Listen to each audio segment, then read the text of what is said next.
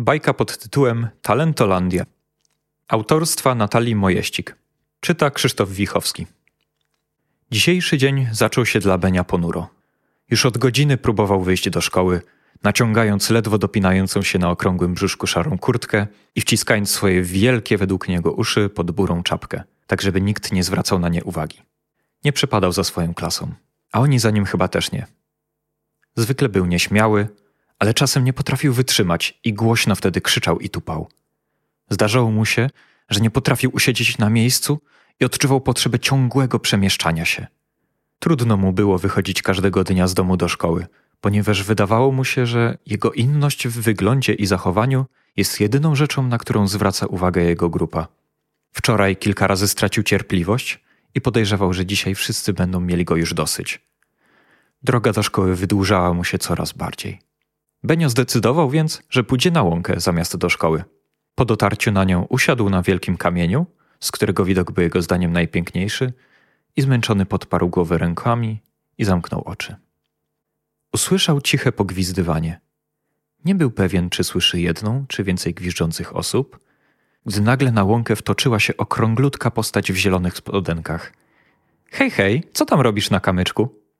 Benio nie był pewien, czy pytanie było skierowane do niego – Okrąglutki ciągnął za rękę małą postać w okularach i w żółtym ubranku. Jestem Sim, a to mój przyjaciel Admis. Skąd się tu wzięliście? zapytał zdziwiony Benio. No jak to? Mieszkamy tutaj, w Talentolandii. O, nie wiedziałem, że coś takiego istnieje. Hej, chłopaki, czekajcie! Usłyszeli nagle głos dobiegający z lasu. Na łąkę wybiegł mały chłopak z ogromnymi uszami. Na jego twarzy malował się wielki uśmiech, a błękitny strój wyglądał jak wycięty z kawałka letniego nieba. Witaj, Kajeto, ucieszył się na jego widok Sim. Spóźniłem się, bo nie mogłem namówić Mata i Poli do wyjścia, powiedział Kajeto. Kto to jest Mat i Poli? zapytał Benio. No wiesz, uśmiechnął się okrąglutki. Poli jest bardzo nieśmiały, obawia się nawet rozmów z kolegami. Mat natomiast szybko się denerwuje. Tym razem też się zaniepokoił, że musi wyjść z nami gdzieś, gdzie wcale tego nie planował. Pewnie zaraz przyjdą. Nie potrafimy zbyt długo być rozdzieleni, dodał Sim. Ja jestem Sim, jak już mówiłem. Okrąglutki wyciągnął swoją długą, mocną rękę do Benia. A to mój przyjaciel Admis. On nie potrafi długo usiedzieć w miejscu, więc pierwszy wbiegł z domu, żeby się tu pojawić.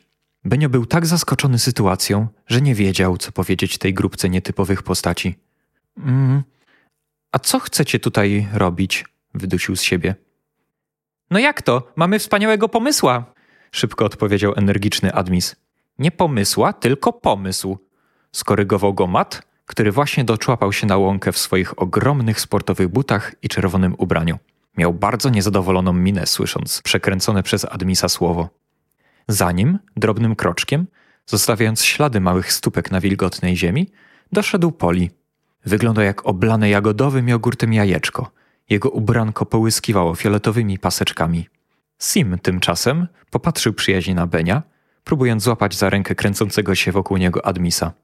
Jest takie miejsce na środku łąki, na którym trawy nie chcą rosnąć, zaczął Sim.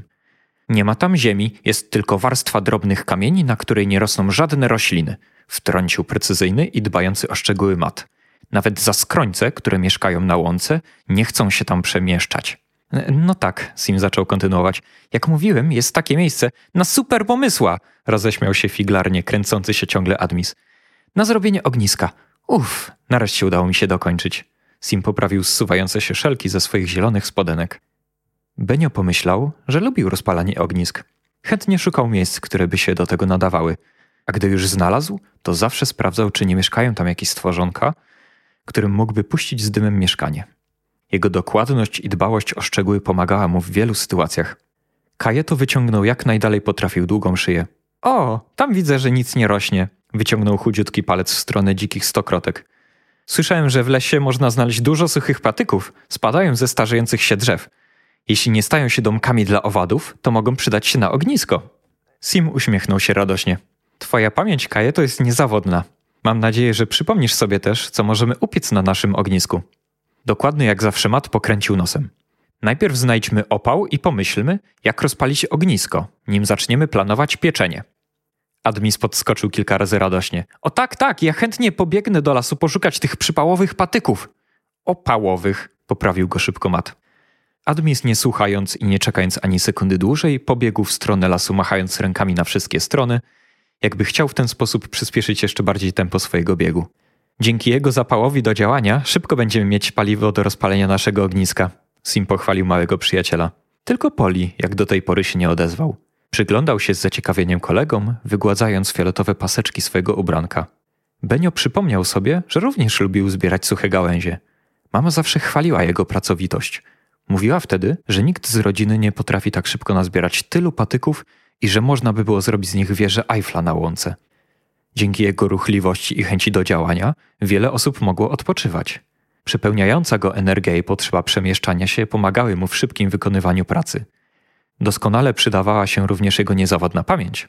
Tymczasem Sim grzebał w swoich wielkich kieszeniach, usiłując coś znaleźć.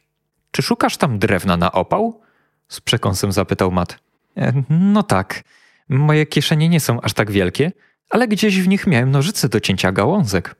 Kieszenie Sima, mimo że nie były aż tak wielkie, to zwracały na siebie uwagę. Na pewno wskoczyła do nich wcześniej jakaś mała śrubka, za nią zakrętka, klucz francuski i pewnie jeszcze kilka innych narzędzi ze skrzyni, która mieszkała w starej szopie na skraju łąki. Sim uwielbiał majsterkowanie i korzystał z każdej okazji, żeby móc wyciągać swoje skarby. Benio przypomniał sobie setki srebrnych gwoździków wbijanych niedawno przez niego w deski, które miały utworzyć wielką szafę w ich domu. Młotek w jego rękach pracował wtedy szybko, jak dziób bardzo głodnego dzięcioła szukającego korników w korze drzewa. Chłopiec uwielbiał majsterkowanie i był bardzo sprawny manualnie. Tylko czasem, gdy tracił wiarę w siebie, potrzebował przypominania o tym, że świetnie daje sobie radę z wieloma rzeczami. Tymczasem Matt ułożył krąg z kamieni, który miał ochronić łąkę przed pożerającymi wszystko iskierkami. Admis znosił coraz większą ilość gałęzi. Patykowy stosik zasłonił trzymającego się na uboczu Poliego. I jak tam, Kajeto? Przypomniałeś sobie, jak można rozpalić ognisko? Zapytał Matt, dla którego ważny był następny etap działania. Słyszałem, że wystarczą nawet dwa kamienie, krzemienie. Kajeto jak zwykle rozjaśnił twarz uśmiechem, a malutki Admis z prędkością światła pobiegł do lasu na ich poszukiwanie. Gdy wrócił ze zdobyczą, Sim zajął się rozpalaniem ogniska. Kajeto zadowolony wyciągnął ze swoich kieszeni lśniące czerwienią jabłka, które znalazł przed chwilą pod starą dziką jabłonką rosnącą na wschodniej stronie łąki. O, widzę, że mamy coś, do czego możemy zacząć nasze pieczonki, ucieszył się Admis. Po kilku minutach, szybkie jak Admis iskierki zapaliły suche patyki i nareszcie wszyscy mogli usiąść wokół ogniska z jabłkami nadzianymi na długie kije. Kajeto podrapał się po głowie. Słyszałem wiele opowieści o owadach żyjących na tej łące. Pamiętam każdą z tych historii. Mógłbym wam opowiedzieć o upodobaniach biedronek, czym żywią się żuczki, jak tutaj znalazły się patyczaki. Benio słuchał tych opowieści, przypominając sobie szczegóły z życia owadów. Przecież on też wiedział to wszystko, tylko nikomu do tej pory tego nie opowiadał. Słyszał wiele historii i dzięki swojej świetnej pamięci miał je cały czas w swojej głowie. W powietrzu unosił się delikatny zapach ziół i kwiatów łąkowych. Mieszał się z nimi aromat przypiekanych jabłkowych skórek. Z pobliskiego brzozowego lasu dobiegały śpiewy ptaków, o których snuł opowieści Kajeto, a na łące swoje utwory odgrywały świerszcze.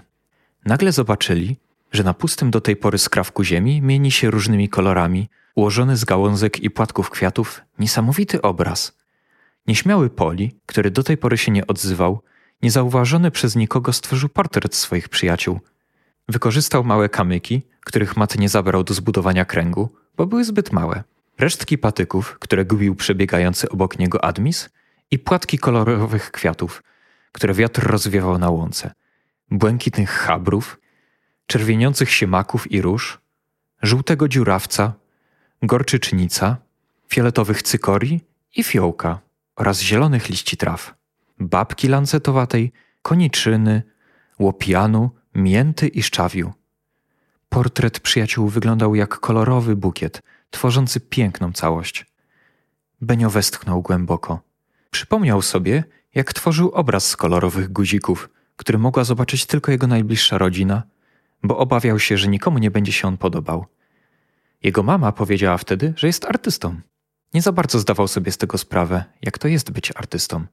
A teraz, patrząc na kompozycję, którą zrobił wrażliwy Poli, chłonął całym sobą kształty i kolory. Czuł, że bycie artystą to tworzenie czegoś niezwykłego oraz sprawienie radości sobie i innym. Kolory z portretu płynęły w jego stronę.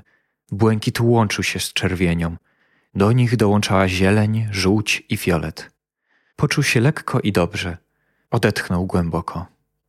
Nie był pewien, czy może otworzyć teraz oczy, czy kolory nie znikną.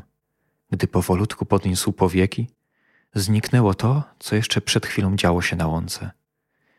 Był teraz sam, ale czuł się inaczej niż wcześniej. Postanowił, że wróci teraz tam, skąd uciekł i zabierze wszystkich na łąkę. Zrobią wspólnie wspaniałe ognisko, przy którym po prostu będzie sobą. Już nie szaroburym chłopakiem, ale kolorowym beniem, który może się podzielić z innymi tym, co potrafi najlepiej.